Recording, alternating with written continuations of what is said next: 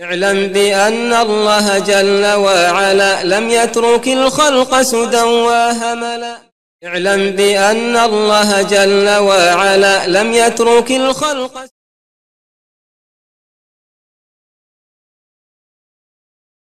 بسم الله الحمد لله الصلاة والسلام على رسول الله استعين بالله لا حول ولا قوة إلا بالله اللهم لا سهل إلا ما جعلته سهلا وأنت تجعل الحزن إذا شئت سهلا اللهم أرنا الحق حقا وارزقنا اتباعه وأرنا الباطل باطلا وارزقنا اجتنابه. ولا تجعل الحق ملتبسا علينا فنضل. اللهم آت نفوسنا تقواها وزكها. أنت خير من زكاها. أنت وليها ومولاها. برحمتك يا أرحم الراحمين. ربنا ما تزغ قلوبنا بعد إذ هديتنا وهب لنا من لدنك رحمة. إنك أنت الوهاب. Hvala i zahvala pripadaju Allah, gospodaru svih svjetova, samo ih on zaslužuje. Salavat i salam na Muhammeda sallallahu alaihi ve selleme, poslanika Allahova, kojim Allah na pravi put ukazuje. A zatim, danas imamo, ako Bog da jedno lahko, poglavlje kojeg ćemo odpočeti, ako Allah da mi je završiti. I to je ujedno peto poglavlje u knjizi Terhida, Nakon što smo govorili o obaveznosti i značenju tevhida u prvom poglavlju o tome da onaj ko umre na tevhidu bilo kakvom ući će u džendet kad tad a ako ne bude činio velikog ni malog širka ima šanse velike da mu Allah oprosti grehe makoliko ih bilo. U drugom poglavlju o tome da onaj ko potpuni tevhid onako kako ste malo prije čuli da će ako Bog da ući u džennet bez polagane računa i bez kazne u trećem poglavlju, o strahu od širka u četvrtom poglavlju i sada je tema pozivanje u šehadet la ilaha ila Allah, tako je šeh naslovio u petom poglavlju. Dakle, dava u tevhid, poziv u tevhid, poziv u vjerovanje u jednoću Allaha subhanahu wa ta'ala, poziv u ispunjavanje svrhe života. Šeh je odpočeo ovo poglave sa riječima Allaha subhanahu wa ta'ala قُلْ هَذِهِ سَبِينِ أَدْعُوا إِنَ اللَّهِ عَلَى بَسِيرَةٍ أَنَا وَمَنِ اتَّبَعَنِي وَسُبْحَانَ اللَّهِ وَمَا أَنَا مِنَ الْمُشْرِكِينَ Reci, ovo je put moj, ja pozivam ka Allahu sa jasnim dokazima. Ja i svak onaj koji me slijedi. Savršeni, daleko svake mahane je Allah.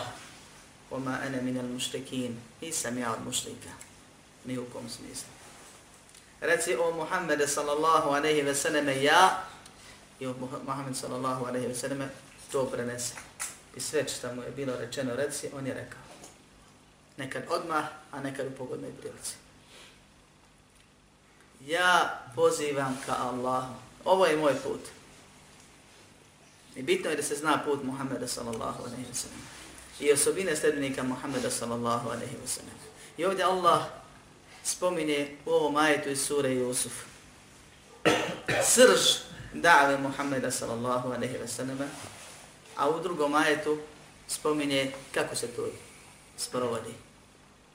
Pa je srž da've Muhammeda sallallahu aleyhi ve sallam da Allaha jedinog obožavamo iskreno, iskreno mu ispovjedajući vjeru po sunnetu Muhammeda sallallahu aleyhi ve sellem da to drugima prenosimo i širimo i da na tom putu osaborimo i ustrajimo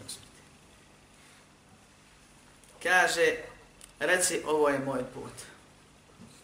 Put Muhammeda sallallahu alejhi ve selleme, jer je Allah rekao, wa ati'u Allahe wa rasuna na'alnakum turhamun, pokoravajte se Allahu i poslaniku, da bi vam se milost ukazala, da biste postigli Allahovu milost. I veoma je bitno znati šta je to put Muhammeda sallallahu alejhi ve selleme i kako se pokorava Allahu subhanahu wa ta'ala njegovom poslaniku. Ovaj ajet je u suri Jusuf.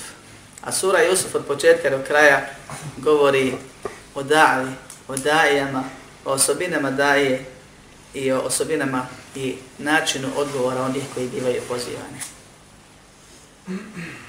Zato što je dava i badet, jedan od Allahu najdražih ibadeta i najbitniji, je to je srž borbe na Allahovom putu, ko se spominje učenjaci pozivanje u islam.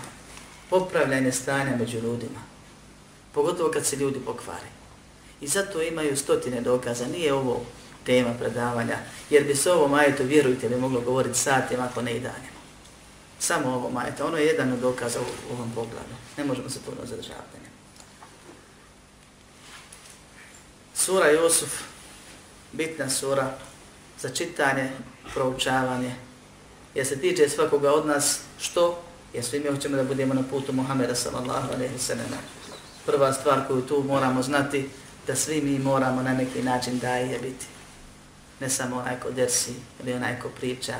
Kaže poslanik sallallahu alaihi sallam, prenesite od mene makar ajat, Na mjestima kaže neka prisutni poduči odsutnog i tako dalje. Prenese odsutnom i tako dalje. Kaže Allahu poslanik sallallahu alaihi ve selleme ono što mu je Allah rekao. Ovo je moj put, pozivam Allahu. Pozivam Allahu u sebi sadrži bitne stvari. Prvo da poziv mora biti Allah. To jest da se sva vjera čini Allahu subhanahu wa ta'ala. Drugo, ovdje je napomena bitna. Da tvoja dava, tvoja priča o islamu, sve jedno bila za kahvom, na šetan buku ili negdje drugo, da mora biti iskreno samo Allaha radi. Da tvoje predavanje, bilo javno ili ono onako što svako od nas dersi, po kakvim sjelima, bude samo Allaha radi.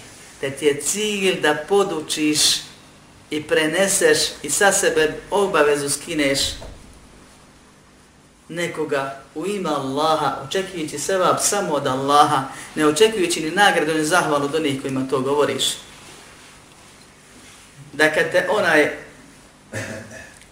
koga pozivaš, podučavaš, u najboljem vjerskom smislu mu koristiš zbog dunjaloka negdje zakine ili ti nešto od dunjaloka uskratiš, ti nije obavezan da ne govorim o prekšajama vjerskim, da ti se ne smani želja za davom, niti ljubav prema njemu ako je već u vjeri. Jer ti pozivaš Allah i radiš to ima Allaha, ne radi njega. I ovdje ima jedna bitna stvar koju učenjaci često govore da mnogi koji pozivaju islam pozivaju u sebe ili u svoju partiju ne pozivaju Allah. I zato je Allah prvo riječ kao da ede'u ila Allah. Ja pozivam Allah. Pozivam, pozivam sam, da ja sam, I podrazumijeva se da Muhammed sallam daje Allah, ali napominje, pozivam Allahu, pozivam u Allahu u vjeru, pozivam da se sva vjera, svake i vali čini Allahu i činim to samo isključivo ima Allah. Ne činim to da bih spomogao sebe, da bih promovirao sebe, da bih nešto ušićario, sve jedno ti nekakvi duševni koristi, ugleda i tako dalje, ili ne do Allah materijalne koristi na tom putu. Činim to zato što je Allah subhanahu wa ta'ala naredio i zato što ja želim da tu vjeru sprovedem u svom životu i da ispunim naredbu Allahu, da prenesem na druge, zato što ja volim ovu vjeru pa je širim i prenosim istog cilja, zato što sam ja čovjek, pa želim drugom što želim sebi. Insan sam, nisam škrti sebičan.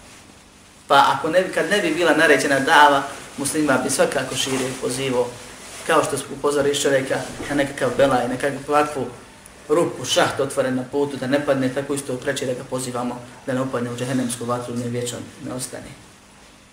I ljudskoja osobina, a islamska naredba da se širi Allahova vjera, Allaha radi. To je prvi uvjet. Iskrenost, da kad počneš prije nego što progovoriš ili uradiš, da zanijetiš i nije dočistiš. A zatim da ne govoriš ako ne znaš. Da šutiš ako ne znaš. Ala besire tin, na besiri, na znanju, doslovno je prevedeno. Besira je uzeto od besar. Isto, ovaj, odakle, iz istog glagola od besare, ovaj, ista je osnova kao i vid. Pa kažu, kao što je vid za oko, tako je besira za srce. Pa se Arapi koriste ovu izrazu nekoliko smislova, u nekoliko ovaj, konteksta, kontekstova. Kaže se, između ostalog, kad e, neko zna, potrefi pravi, pravu stvar među nekoliko stvari, kaže da ima besiru u tome. Kad neko ima znanje, kaže se da to sa znanjem radi. Kad neko ovaj prepozna nešto što je ima tu primjesa istine i neistine, jasnog i nejasnog, kad potref isto tako kaže se da ima besiru i tako dalje. U svakom slučaju besira koja je ciljana ovdje u Kur'anu je znanje. To je sunnet Muhammeda sallallahu aleyhi ve sallam. Ja nema drugog znanja osim toga. Znanje je, kao rekao Allah, rekao poslanik Muhammed sallallahu aleyhi ve sallam. Kad pozivaš Allahu, mora da pozivaš to po sunnetu Rasulullah sallallahu aleyhi ve sallam. Dava je ibadet. Kako znamo da je dava ibadet? Tako što je, zato što je Allah subhanahu wa ta'ala naredio. I ovdje pohvalio. A rekli smo da je od znakova prepoznavanja ibadeta da je to ono što Allah subhanahu wa ta'ala naredi da mu se čini ili za to nagradu pripremi. Kaže, reci ovo je moj put, ja pozivam Allahu. Bitna stvar. Naređuje Allah da se kaže, da poslani se pojasni. Da je da'ava Allahu. Prije svega ono što Allah najviše voli. A to je ono zbog čega ne, ne stvori. Tevhid. Ana besire sa znanjem po sunnetu Muhammeda sallallahu alaihi wa sallam. I zato svaki poziv koji počne bez znanja završi katastrofalno i bolje da ga onaj koji je počeo nešto da je popravlja nije ni započeo, da nije ni govori. Nije mu dozvoljeno da priča. Prvo je prekršio. Drugo, ne možeš podučit kad ne znaš. Kad nešto nemaš, ne možeš dati. Kako ćeš odgojiti kad odgoje nisi? I tako dalje. Ne smije insan trčati pred rudu. I mi smo iskušani s ovim stvarima. Do te mjere da je sad, slobodno se može reći ispravna izreka da je najbolji musliman onaj ko najmanje komentariše na Facebooku. Ili za kahu, na svijetu. Primjer je Facebook, zato što tu čovjeka se osame šetan i ga naloži, pa onda ima osjećaj da, da malo prste razgiba na ovoj noći, pa kasnije se kaje i popravlja. Ako se uopšte kaje, ako se ne kaje, kaje će se na sutim danu. Pozivam Allahu s jasnim dokazima, izuzetih iz Kur'ana i sunneta, jer sam ih naučio, pa znam pojasniti. Ene o meni tebe'ani. Ja i svaki onaj koji me slijedi. Znači nije ovo stvar posebna za Muhammeda sallallahu alaihi wa sallam. Nego je pozivanje Allahu sa dokazima poznanjima. put Muhammeda sallallahu alejhi wa sallam i njegovi sledbenika. I ako hoćeš da budeš na putu Muhammeda sallallahu alejhi ve sellem, moraš da imaš udjela u davi. Da preneseš ono što znaš onako kako je to radio Rasulullah sallallahu alejhi ve sellem. Da pomogneš širenje vjere na bilo koji način kako možeš. Nije obaveza da insan priča ako ne zna, ali je obaveza da pomogne koliko može. Jer ovo je moja i tvoja vjera, koja ne tebi treba i koja preko koje ćemo ili zbog koje će nam Allah subhanahu wa ta'ala inša Allah džennet podariti vječni. I mi moramo da se brinemo ono, to je najveća blagodat koju imamo. Draža nam je od, i preča nam je od bilo čega drugog na dunjalku.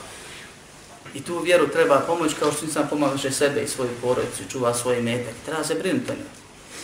I to je put Muhammeda sallallahu alaihi sallam njegove sallam. I zato se treba žrtvovati.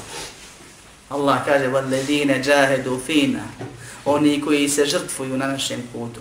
Ne nehdi jennehu, mi ćemo ih sigurno uputiti subulena, našim putevima. Uputit će ga prije svega da ustraje na pravom putu, da dođe do dženneta, ko bude će žrtvovo. Uputit će ga i otvorit će mu vrata truda na Allahovoj vjeri, onako kako bude mogao. Ovdje je zanimljiv sam komentar čuo od jednog učenjaka, tokom razgovora o metodama dave, pa može li ovo, pa ne može ono, u nekim zemljama su neke stvari zabranjene, u, drugim, u drugim druge i tako. I kaže čovjek, Allah je rekao, وَلَدِينَ جَهَدُوا فِينَا لَنَهْدِيَنَّهُمْ سُبُنَنَا Oni koji se budu borili zbog nas, mi ćemo ih našim putevima obuditi. Kaže, uložiš trud, jer ovdje je džahed u osmišćen smislu reći. Ne odnosi samo na borbu na Allahovom putu oružjem, nikako. Nego se odnosi na ulaganje truda u pomaganju vjeri. Shodno svako svojim mogućnostima. Ovaj ajet. I ko bude to radio, ko se bude žrtvovao radi Allaha, kaže Allah, mi ćemo ih putevima uputiti. U množina, tri ili više. Pa kad god ti se zatvori put, Allah ti otvori minimalno tri druga. Načina da širiš, pomažeš vjeru. Pa onaj ko ne može riječi, može perom. Ko ne može perom, može parom i tako dalje. Može uglavnom da ulaže i metak, da širi, da priča, da radi i pomaže vjeru onako kako zna, kako bi bio na putu Muhammeda sallallahu alaihi wa sallam. Ala basiratin ene wa meni teba'ani wa subhanallah wa ma ene min al mušrikin. Inneka je Allah daleko od svake mahane jer je savršen. To znači subhanallah. Savršen je Allah daleko od mahane. وَمَا أَنَا مِنَ الْمُشْرِكِينَ Nisam ja od mušrika, kaže Allah poslaniku da on kaže ostalim. Put Muhammeda sallallahu alaihi ve selleme i njegove sljedbenika je pozivanje u tevhid i pozivanje u sunnet. Šta je dokaz? Dokaz su dva šehadeta. Kad ulaziš u islam i ostaješ u islamu i predsmrda koji izgovoriš Bogu tebi, šta kažeš? Svjedočim da nema Boga sam Allaha i svjedočim da je Muhammed sallallahu aleyhi ve selleme njegov robi poslanik. Šta to znači? Kao što kaže Ibn Qayyim rahimahullah, tevhidu Allaha i tevhidu Rasulullah. Da vjeruješ u jednog Allaha, u jednog Boga, onako kako smo već naučili, i da slijediš i vjeruješ da samo jedan poslanik ima. Poslanik je poslat da pojasni kako se u Allaha vjeruje. I nema puta do Allaha osim preko Rasulullah, ne na tražeći od njega šefaat, ko što neki tvrde, nego slijedeći njega, kao što Allah rekao, pokoravati se Allahu i poslaniku da bi vam se milost ukazala.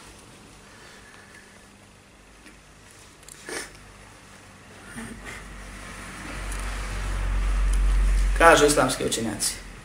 S obzirom da je dava i badet, poznato je da su potrebna dva uvjeta za kao za svaki drugi badet. Iskrenost u ime Allaha i da bude po sunetu Rasulullah sallallahu Što znači da nema dave na svoju ruku. I nema pozivanja na svoju ruku. Dava i badet, dava i nauka. Nauka čitava. Allah me počastio jer sam završio fakultet dave i akide, gdje sam imao osam semestara, na svakom semestru po nekoliko predmeta iz dave. Nauka čitava. A svodi se na tri stvari. Da znaš ono što prenosiš, da znaš one kojima prenosiš kakve su šta su i da to preneseš na ispravan način. I zato islamski učenjaci kažu tri su uvjeta da. Prvo je da bude iskreno radi Allaha subhanahu wa ta'ala. Drugo je znanje i treće je blagost. A onda znanje tumače na ove stvari koje sam rekao. Prvo je da bude iskreno jer Allah kaže ovdje, reci o Muhammede sallallahu anehi ve sallam, ovo je moj put, ja pozivam Allahu. I nastavit ću pozivati Allahu dok sam živ. Prihvatili me oni koji ima trenutno pozivam ili odbijali. Ja pozivam Allahu, ne tražim od ljudi ni hvalu ni zahvalu. I poslanici su govorili u Koranu i Sunnetu, u Koranu na mnogim mjestima da Allah je opisio da su govorili svojim narodima mi od vas ne tražimo ni hvalu ni zahvalu.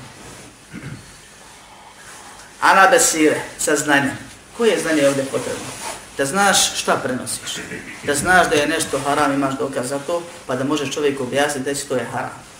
Pa kad kaže kako, zašto, ko je zabranio, kaže zabranio Allah, zabranio Rasulullah, sallallahu Da znaš kakav je onaj koga pozivaš, koliko zna, koliko ne zna, kolika, kakav je, jel grub, jel blag, kakvoj situaciji, da nađeš najbolju, i to sve spada u znanje, najbolju situaciju gdje će najbolje proći ono što pozivaš. I da to preneseš na ispravan način, a to je sa blagosti i saborom. Jer tako je Muhammed sallallahu alejhi ve sellem pozivao. I to nije put kukavica. To nije put nekakvih što ne smiju. To nije put nekakvih što su sufizma namirisali. To je put Muhammeda sallallahu alejhi ve selleme koji se obraćao ashabima i pozivao sahabe i odgaju najbolju generaciju i Allah subhanahu wa ta'ala njemu objavili وَلَوْ كُنْتَ فَضْفًا قَلِيدًا فَضُّوا مِنْ حَوْلِكَ da si bio grub i osoran prema njima, oni bi od tebe se razbježali. Ne ja i ti, mi bi svakako davno pobjegli. Nego bi ashabi, najbolji ljudi, pobjegli od Muhameda, sam sam najboljeg čovjeka i najboljeg poslanika. Samo da je bio grub prema njima. I zato Muhammed sallallahu aleyhi ve selleme kaže Ma kane rizku fi še'in ila zane, wa ma nuzi'an še'in illa šane. Nije blagost ni u čemu bila da ga nije ukrasila i nije bla, ovaj blagost ni iz čega oduzeta, a da ga nije unakazana. Kad god ode blagost iz neke stvari, unakazi tu stvar. Kad god radiš, pričaš, pozivaš bez blagosti, unakaziš tu stvar. Kad pozivaš čovjeka da ostavi grijeh ili da radi dobro djelo, to su osjetljive situacije. Ti se čovjeku miješaš u život. Ti čovjeku ulaziš, uklizavaš se, iznenađuješ ga, remetiš ga. I zato je bitno da znaš s kim govoriš, da to bude na najljepši način, kako bi to prošlo. I zato je bitno da se ove stvari znaju i da se u životu primjenjuju. Ako hoće da budeš na sunnetu Rasulullaha sallallahu alaihi wa sallam. Jer ako bi se ashabi od poslanika razbježali kad bi bio grub, kad bi provocirao, niko ne voli da se provocira. Kad bi javno sramotio, niko ne voli da ga javno se, se javno sramoti. I tako dalje, ono što mi radimo, kako je tek situacija, šta mi da očekujemo sa svojom davom. Kako mi da očekujemo da neko od nas prihvati nešto, a mi radimo ono zbog čega bismo se svakako naljutili da se nama tako nešto radi. Mora se iskreno, mora se sa znanjem. Znanjem ovjeri i znanjem onome kom prenosiš. Kakav je šta je koji je njegov nivo? Kakva je situacija? Je li vakat ili nije vakat? Mora se saburiti, nekad pričekat, pravi vakat. A nekad osaburiti na odgovor koji može biti grub. Može biti težak. Možete uvrijediti. Možete i udariti. I tako dalje. Ja bunayya aqimi s-salata wa'mur bil ma'rufi وانهى عن المنكر واصبر على ma asabak إن ذلك min عزم الأمور. Allah nas obavještava o savjetima Lukmana, mudrog svom sin, svome sinu, kad kaže, sinko moj, obavljaj namaz onako kako je propisan, kako je naređen. Naređuj na dobro, odvraćaj ozla i osabori na onome što te zadesi, kažu učinjaci kogod bude pozivao dobro ili ga naređivao i zabranjivao zlo, a to je oni koji imaju vlasti i mogućnost da to učini, ili od njega odvraćao, a to možemo svi, neka zna da neminovno slijede iskušenja, pa na njemu je da osaburi na tom putu.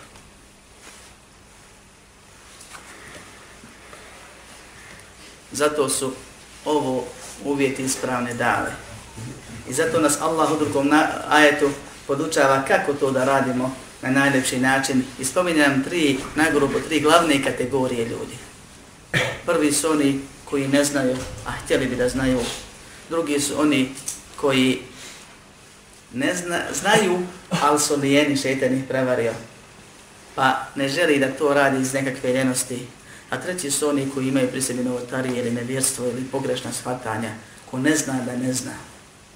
Pa kaže Allah subhanahu wa ta'ala naređujući svojom poslaniku Muhammedu sallallahu alaihi wa sallam Ud'u ina sabili rabbike bil hikmeti wal nav'izatin hasanati wa jadilhum bil leti hiya ahsan. Pozivaj na put čiji? Udruženja, partije, menheđa. Svoga gospodara. Mudro.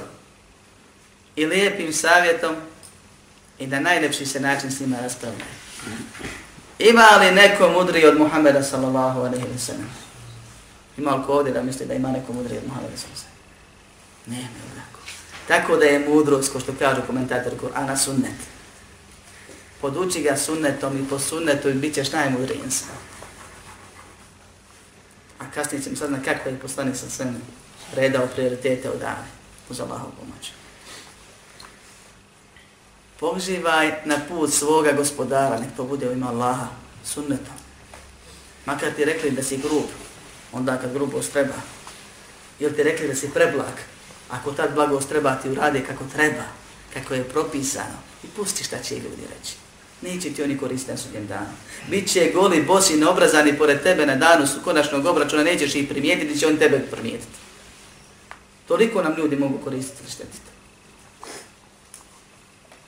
Pozivaj mudro, odnosno sunnetom, koga? Onoga ko ne zna. Vidiš čovjeka, nosi zlatni prsten, jede lijevom rukom, musliman čovjek. Kažeš mu, brate, halal, to je zabranjeno islamu. On kaže, stvarno, kažeš, jeste, poslani sam se mi to zabranio. Boga mi nisam znao, Allah te nagrađa. Takvima je dovoljno sunet, samo da ga podučiš propisom. To je prva kategorija. I on postavi to i ti imaš sevap i dobro se došao. Imamo drugu kategoriju s kojima treba me vajda, treba mu vaz, ali lijep Allah kaže vaz. To su ljudi koji znaju, ali su nemarni po neko, nekom propisu kojeg znaju. Zna da je nešto haram, ali ga ide rečini.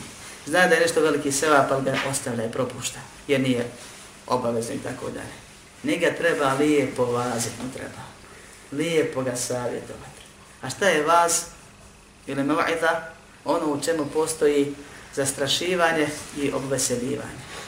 Da mu malo spomeneš koliko je Allah se vapa i nagrada za to djelo pripremio. To su bitne stvari u islamu. Jer Kur'an čitavo vrijeme, od početka do kraja, Allah u Kur'anu ovaj, potencira dvije stvari. Mozak, razum i srce.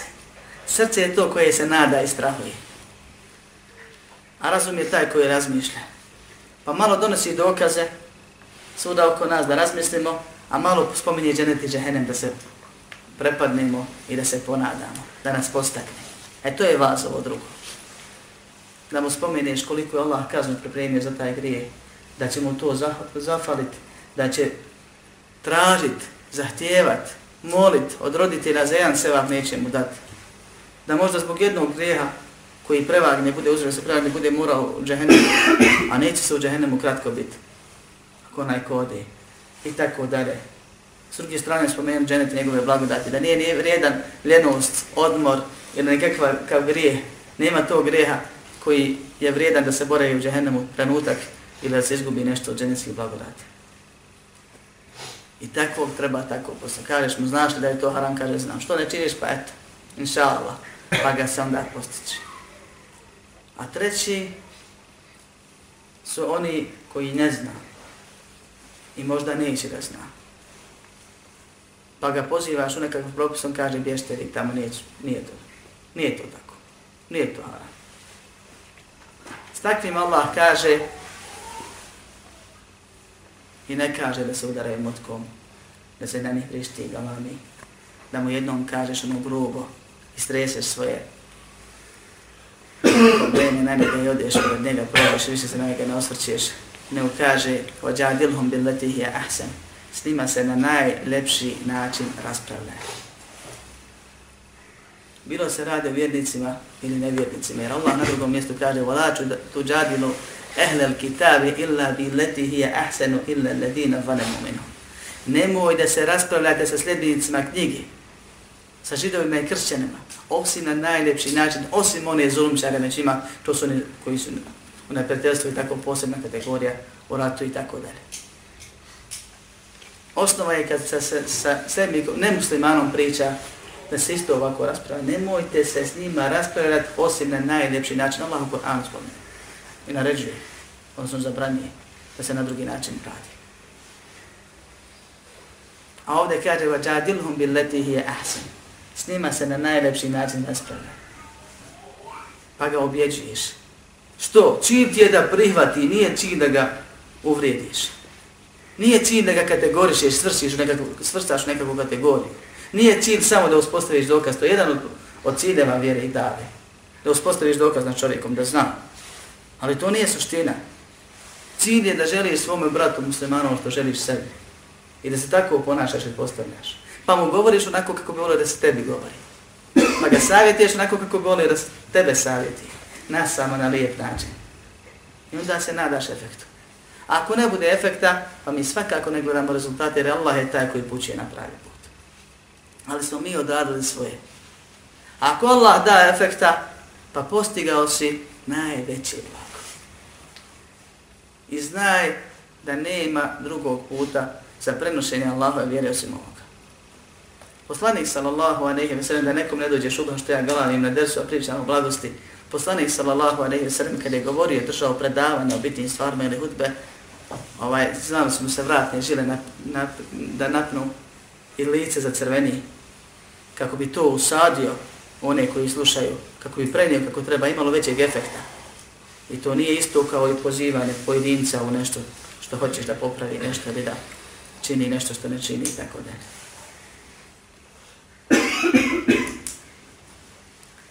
Kaže, reci, ovo je put moj, ja pozivam Allahu najjasnijim dokazima, na besiri, doslovno prevedeno. Kad Allah govori o zabludi, kaže u zabludi.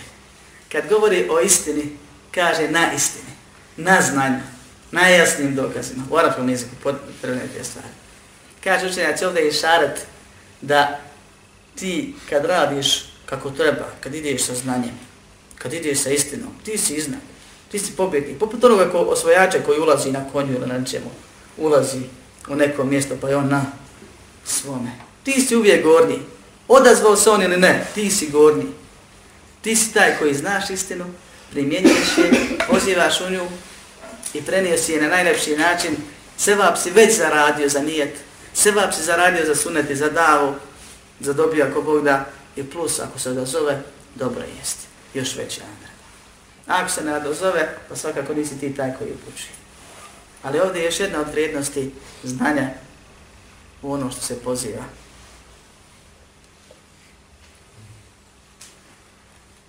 Iz ovog ajeta izlači se dokaz ili izvodi se dokaz da je put Muhameda sallallahu alaihi wa sallam na osnovu njegovog završetka tevhidu Allaha subhanahu wa ta'ala i kaže neka je savršen Allah i daleko svake mahne nisam ja od mušrika, oma ene minal minul mušrikin, završava ajet. Ajet je jedna cijelina, govori jednoj stvari, jedna je rečenica u pitanju. Da je put Muhammeda sallallahu alaihi wa sallam pozivanje u robovanju Allaha jedinom, a jedinoj po sunetu Rasulullaha poslanog. Da pozivaš u tevhid po sunetu i da robuješ Allahu tevhidom po sunetu. I to je suština vjeri. I zato imam samo dvije rečenice. Ašhedu an la ilaha ila Allah, wa ašhedu anna Muhammad Rasulullah. Svjedočim da nema Boga koji zaslužuje ibadu sam Allaha i nema poslanika koji nam je poslao da nam pojasni kako se Allah obožava osim Rasulullah sallallahu alaihi sallam.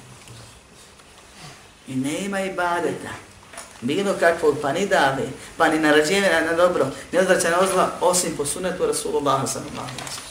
Nije to stvar naša, pa hajdemo mi sad izmisliti Ilahe s muzikom radi dave, sjela igranke po džamijama ili neke druge stvari ili jednostavno reći dosta je više bilo blago, idemo sad grubo, idemo sad brutalno, nije imalo efekta ranije i tako dalje, kao da te Allah opteretio da ti imaš rezultate nekakve, nego je tvoje da naučiš istinu, da je primjenjuješ i da je širiš onako kako je propisano njeno širenje, jer je dava i badet, kao što su drugi ibadeti.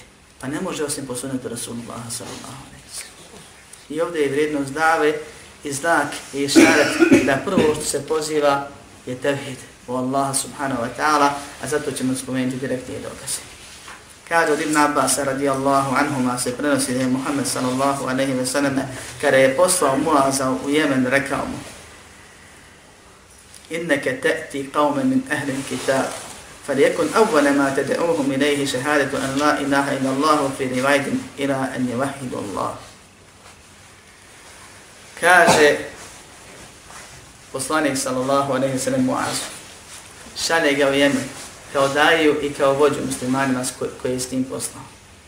Da upravlja Jemenom i da poziva stanovnike Jemena koji su uglavnom bili ili židovi ili kršćani, bilo je veoma malo mušlika među njima. Mušlički plemena. Za razliku od arapskog polotoka gdje su uglavnom bili mušlici, a bilo je nešto židova i kršćani. I napominje mu bitnu napomenu nakon što mu je već dao smjernice i poslao ga poziva i da upravlja i vodi. Bitno napomenu napominje. Ti dolaziš sljedbenicima knjige. Ti dolaziš ljudima koji imaju nekakvu vjeru, koju, koju vjeruju. Imaju knjige koje su osnovi nebeske, od Boga objavljene, bile ispravna. I ostalo ima puno ispravno znanja. Imaju znanje. Kakvo tako? Pripazi se i pripremi se, to znači ovo Moraš znat kome se obraćaš. Moraš znat koga pozivaš. Kakav je njegov nivo? Zna li on nešto ili ne zna? Možda zna više od tebe ili misli da zna više od tebe, pa tvoje riječi svakako neće koristiti. Govorim to za našu situaciju. Ideš s trebenicima knjigi, bitna napomena. A zatim kaže, neka bude prvo u što ćeš ih pozvati svjedočenje da nema Boga sam Allaha, a u muslimu rivajte je došlo i da sam ja poslanik Allahom. To je da je Muhammed sallallahu sallam Allahom poslanik. I kad god u hadisma je došlo la ilaha illallah, kao što kaže šeha Abdallah Gunayman i drugi, hafidahullah, ovaj, da je to skraćenica samo, a odnosi se na konkretnu riječ. La ilaha illallah, Muhammedu Rasulullah. Na dva šehadeta. Pa i pred smrt čovjeka ko će da svjedoči, treba da se trudi da izgovori La ilaha illallah, Muhammedu Rasulullah, koliko mogućnosti. Neka bude prvo u što ćeš ih pozvati da svjedoče da nema Boga sem Allaha, to jest nema istinskog Boga koji jedini i badi zasluži osim Allaha. Jer su inače i židovi i kršćani kao i mušnici govorili nema Boga sem Allaha. I dan danas to govori. I onda to protumače tri u jedan, jedan u tri, ili ovako ili onako, ili opišu Allaha svojstvima koja su ružna i tako dalje. I Allah subhanahu wa ta'ala objavljuje poslaniku sallallahu alaihi sallam, a on Muaz ibn Džebel, Muaz ibn Džebelu, kad ga šalje u Jemen, ove stvari. Prvo u što pozivaš, ideš ko daje i tako treba da ideš. Ali prvo u što pozivaš je la ilaha inna Prva stvar koja se uči kad smo govorili o razumijevanju prioriteta i prva stvar koja se širi i prenosi je tevhidu Allaha subhanahu wa ta'ala. Nema dražeg Allahu dijela od tevhida, zbog toga nas je stvorio. Nema se vapnijeg ibadita od tevhida. Nema dženneta bez tevhida. I zato je najbitnije u što se poziva tevhidu Allaha. Tevhid onakav kakav je objavljen i kakav nam je s korena na koreno prenesen i kakav će ostati do sudnjega dana. Jer su učenjaci nasljednici vjerovjesnika, a vjerovjesnici nisu ostavili za sebe ni dinara ni dirhama nego znanje. I učenjaci ti koji s korena na koreno čuvaju i prenose islamsko znanje. Ne da nam neko širi tevhid da protura, ga, protura nam poto tekfir ili nešto drugo, ili nekakav tasavuf, ili ovo ili ono. Tevhid je tevhid onakav kako je prenesen, kakav je bio prije dan, danas je takav. I bit će rosunje dan takav. To je tevhid. I zato su učenjaci govorili, kad vidiš daju, da je većinu svoje dave posvetio tevhidu i sunnetu, ili pozivanjem tevhid i sunnet, znaje da je to je oznakova ispravno da je, ako je iskren naravno. I onda napominju, ali pozivanje u tevhidu onakav kakav jeste, kako to ulema čini pojašnjavanje tevhida, a ne kako on misli, svata, jer se može desiti greška. Pa čovjek umre pozivajući u tevhid, a ne poziva u tevhid. Poziva ili sebi zbog greške u iskrenosti, ili pozivao pogrešno razumijevanje svatanja tevhida. Pa po tevhid protura nešto drugo. I vjeruje u to, iskreno u tom i žrtvuje se za to, ali je promašio.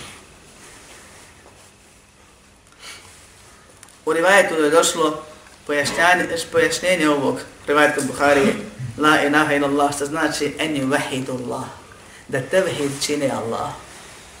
I to, što znači da samo Allaha jednog izdvaja onome što mu je on poseban u rububijetu, u lihijetu, izmao sifatu, to jest da vjeruju i po vjerovanju djeluju da je Allah savršeni gospodar koji jedini zaslužuje da bude obožan.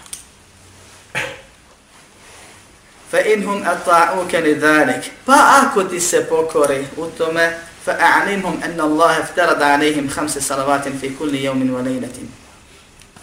Poduči da im je Allah subhanahu wa ta'ala naredio pet namaza svakog dana i svake noći pet namaza tokom dana i noći ako ti se odozovu teoretski tevhid ako potvrde povjeruju srcima i potvrde svojim jezicima da nema Boga sam Allaha, pozovi ih u praktični tevhid. Da posvjedoče svojom praksom da nema zaista Boga sam Allaha, da on to zaista tako vjeruju. Tako što će Allaha namazom obavljati, o, obožavati. Allahu namaz obavljati onako kako je on propisao. Jer je namaz tu vjeri i kao što kaže Allahu poslanik sallallahu alejhi ve ko nema namaza nema vjere ali samo klanjanje namaza bez tevhida ne koristi. Kaže poslanik sam, pa ako ti se pokare, Pa ako te poslušaju u tevhidu, tek onda ih pozivaju namaz. Ako te se ne odazovu u tevhidu, nema potrebe da im pričaš namaz. Besmisleno je doći čovjeku koji kopa temene za kuću i pričat mu kakvu fasadu treba da stavi. I ubjeđive se s njim je bilo bolje prozor na ovoj ili na onoj strani, metar lijevo, metar desno. I govorit mu kako je veoma bitno da potkuje strehu da mu ne bi vjetar krov digao. A on nije im temelja izlio. E tako je sa ovim stvarima. I zato onaj ko se bude bavio sporednim stvarima, a zapostavljao glavne stvari tevhidu Allaha subhanahu wa ta'ala, taj je ili promašio put, ili ga je šetan po svojoj poznatoj metodi zavao nečim što manje vrijedi da ostavi nešto što više vrijedi. Kad je u pitanju širenje vjere, e, praktikovanje vjere i njeno širenje. Pa ako ti se pokore u tome, kaže poslanik sallallahu alaihi sallam, poduči ih da im je Allah naredio zekat koji se uzima od njihovih bogati i daje njihovim siromašnim.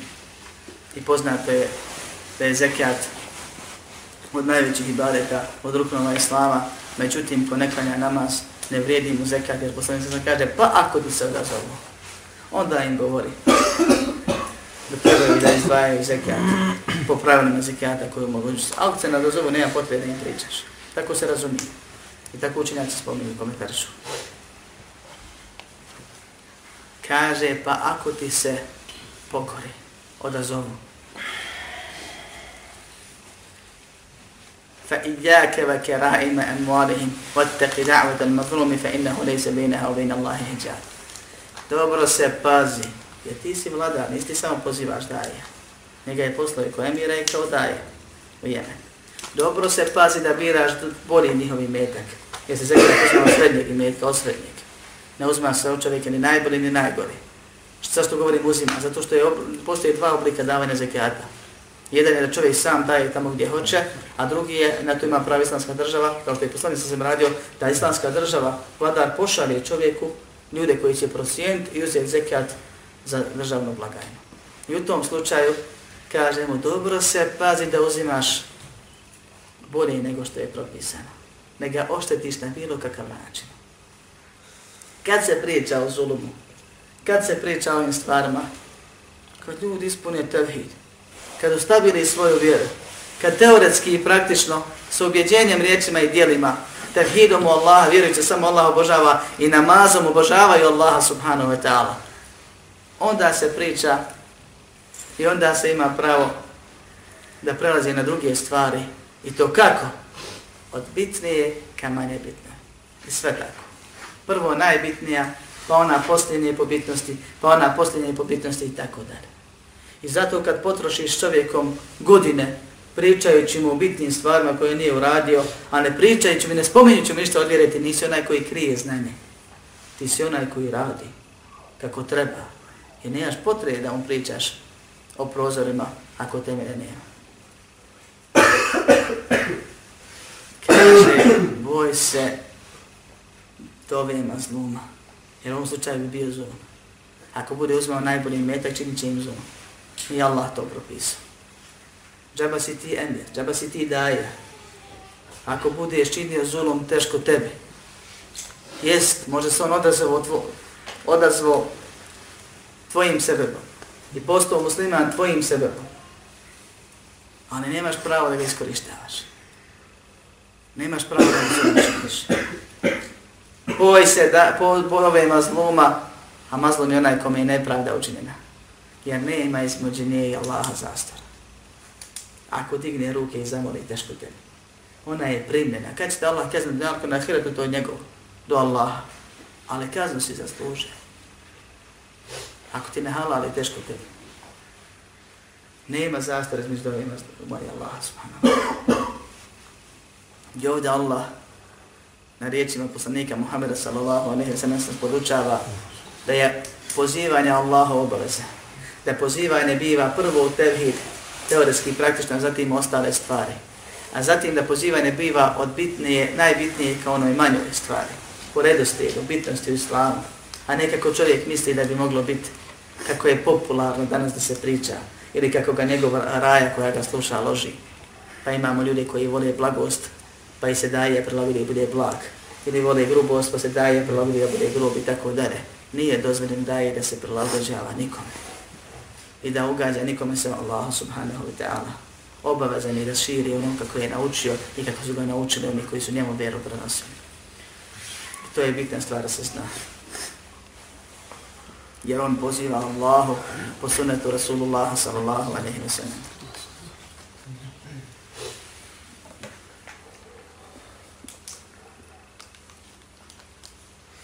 kaže Volehuma, to je kod Buhari i muslima, o Seher ibn Sa'ad se prenosi da je poslanik sallallahu alaihi wa sallam rekao na dan Hajbara. Nakon ugovora na Hudejbiji, poslaniku biva naređeno da se usmjeri ka Hajberu, sjeverno od Medine, da napadne i osvoji mjesto Hajber, koje su nas, naseljavali tadašnji židovi. Bilo oni koji su živjeli u Hajberu ili oni koji su prije toga izašli iz Medine ka Hajberu i obećavamo Allah subhanahu wa ta'ala veliku pobjedu i kreće Muhammed sallallahu alaihi wa sallam sa vojskom i dolazi do Hajbera i nestaje im hrane i pića i trpe veliku glad i danima pokušavaju osvojiti jedno po jedno utvrđenje i bivaju izloženi razno raznim iskušenjima. I nakon što su mnogi nadu izgubili, kaže Allahu poslanik sallallahu alejhi ve sellem jedne večeri: "La atiyanna ar-rayata gadan rajulan yuhibbu Allaha wa rasulahu wa yuhibbuhu Allahu wa rasuluhu yaftahu Allahu ala yadayhi." Sutra ću dati bajrak jednom čovjeku koji voli Allaha i poslanika, to su svi ashabi, i kojeg voli Allaha i poslanika. To je već nešto. Jeftahu Allahu ala jedeji. Allah će osvojiti njegovim sebebom. Allah će da da se osvoji, da pobijedi ima njegovim sebebom. I ova rečenica, pazi gladni, čekaju, iscrpljeni, izgubili nadu da će proći. Među ashabima, tako rivajti govori. I Allah poslanik sallallahu alaihi sallam spominje dvije stvari. Nakon što je rekao da će sutra dati bajrak čovjeku, da tog čovjeka vole Allah i poslanik i da će sutra biti pobjeda. I ovo drugo nisu primijetili. Zbog ove prvi. Nisu osvrnuli na ovu drugu. Čekaju pobjedu. Ali kad su čuli nešto bolje od toga, e onda Boga mi vrijedi. Ali to su bile sabe. Šta je razgaz za saba i nas? Mi kad čujemo dobar ders, napišemo na Facebooku da Allah nagradi brata što je održao dobar ders i hrknemo, spavamo i nikakve koriste od nas. U većini slučajeva. A sahabi kad čuju nekakav hajer, gledaju da ga primijene i da ustraju na njemu, da ga drugome proširi. Kad čuju da se može kakav dobiti hajer, onda ga on tr tr trude se i traže da saznaju kako se to Kaže, febate nasu jedu, nasu jedu kuna da iletehom ejdihom i Pa su ljudi noć, umjesto da, pro, da spave, da se odmore, valja sutra u bitku. Da su noć proveli, raspravljajući ko bi mogao biti taj ko će to dobiti. Bitna stvar, zanima ih. Garancija te Allah voli. Kaže, فَلَمَّا أَصْبَهُ غَدَبَ عَنَا رَسُولِ اللَّهِ Kad su osvanili otisu za poslaniku sallallahu alaihi wa sallam, kulluhum yarju an yu'taha. Svaki od njih nada se da će on biti taj koji će je dobiti.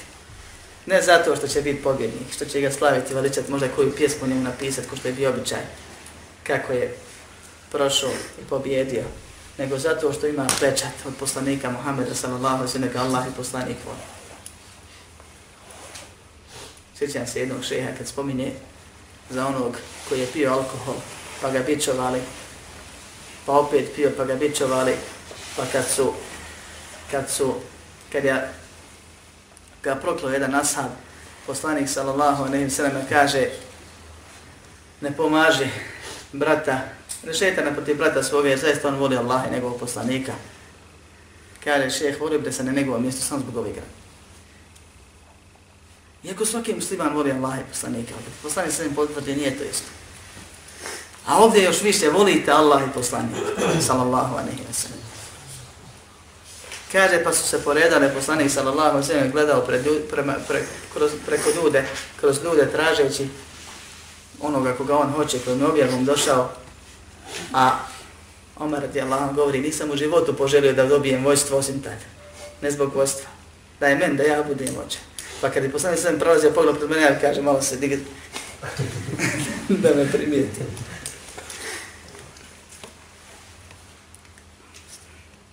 Pa kaže, gdje je Alija ibn Abi Talib? Gdje je Alija radijallahu anhu?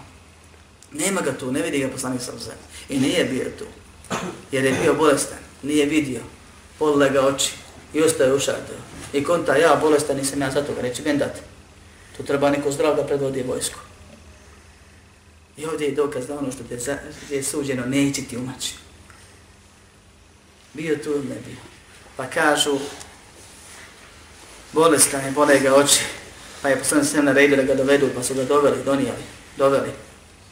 Pa je poslanik sallallahu alejhi ve sellem kljucno u njegove oči i po, za, dovio za njega, pa je izliječen kao da nikad bolestan nije bio. To je jedan kerameta Muhammeda sallallahu alejhi ve sellem. Ima još jedan zanimljiv keramet od ovoga, a to je kad je ashab ispalo oko tokom bitke od udarca, da mu je poslanik sallallahu alaihi sallam vratio to isto oko i dovio, pa kaže da je bolje najga vidio nego na zdravo. A uvijek je u tim bitkama bilo kerameta i dokaza da je Islam istina i Muhammed sallallahu sallam govori istinu. A ovdje upravo imamo jedan gdje je poslanik sve dan ranije, nakon danima što su pokušavali, nisu uspjevali, kaže sutra ćemo pobijeti, pobijeti. Tad su dan, taj dan su pobijeli. Još jedan od znakova i muđiza neke rameta poslanika Muhammeda sallallahu alaihi wa sallam.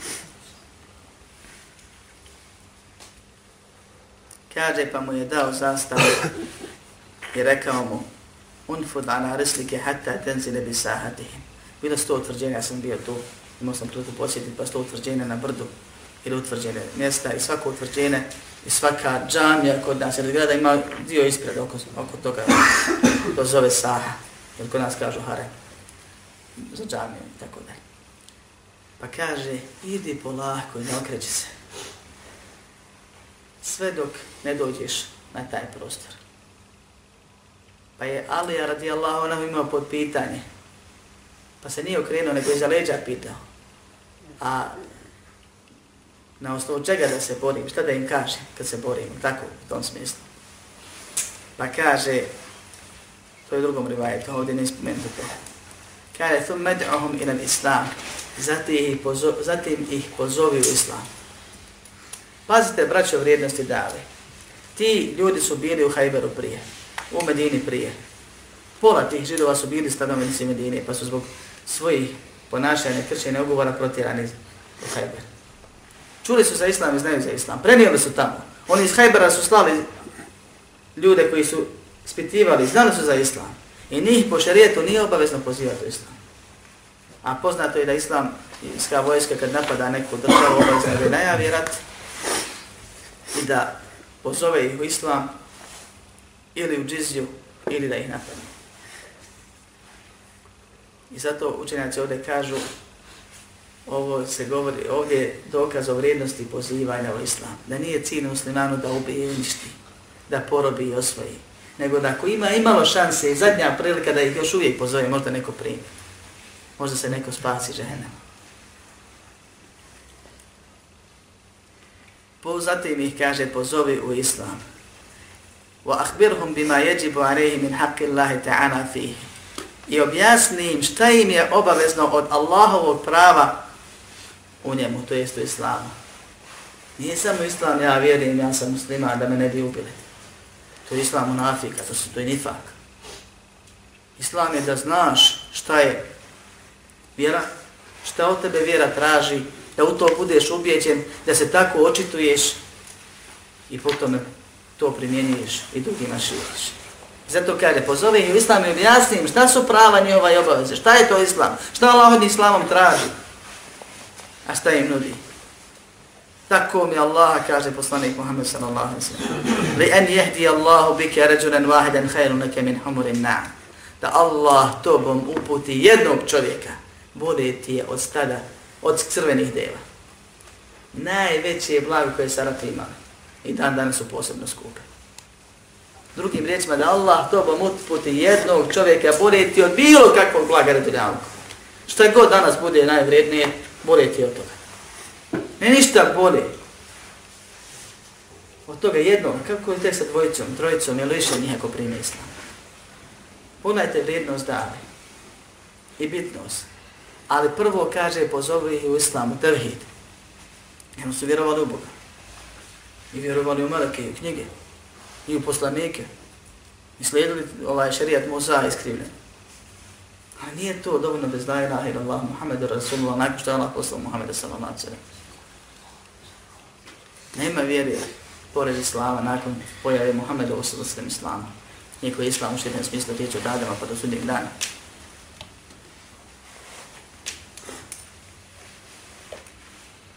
Iz ovog hadisa, da završimo, jer smo već odužili, se izlače isto tako propisi i poruke i pouke, a najbitnije su te da je dava obavezna, da je dava od najvrednijih ibadeta, da se u davi imaju prioriteti, da je najveći prioritet u davu u pozivanju, pozivanju tevhidu, la ilaha illallah, Muhammedu Rasulullah, zatim po redu slijed obaveznosti i bitnosti u islamu.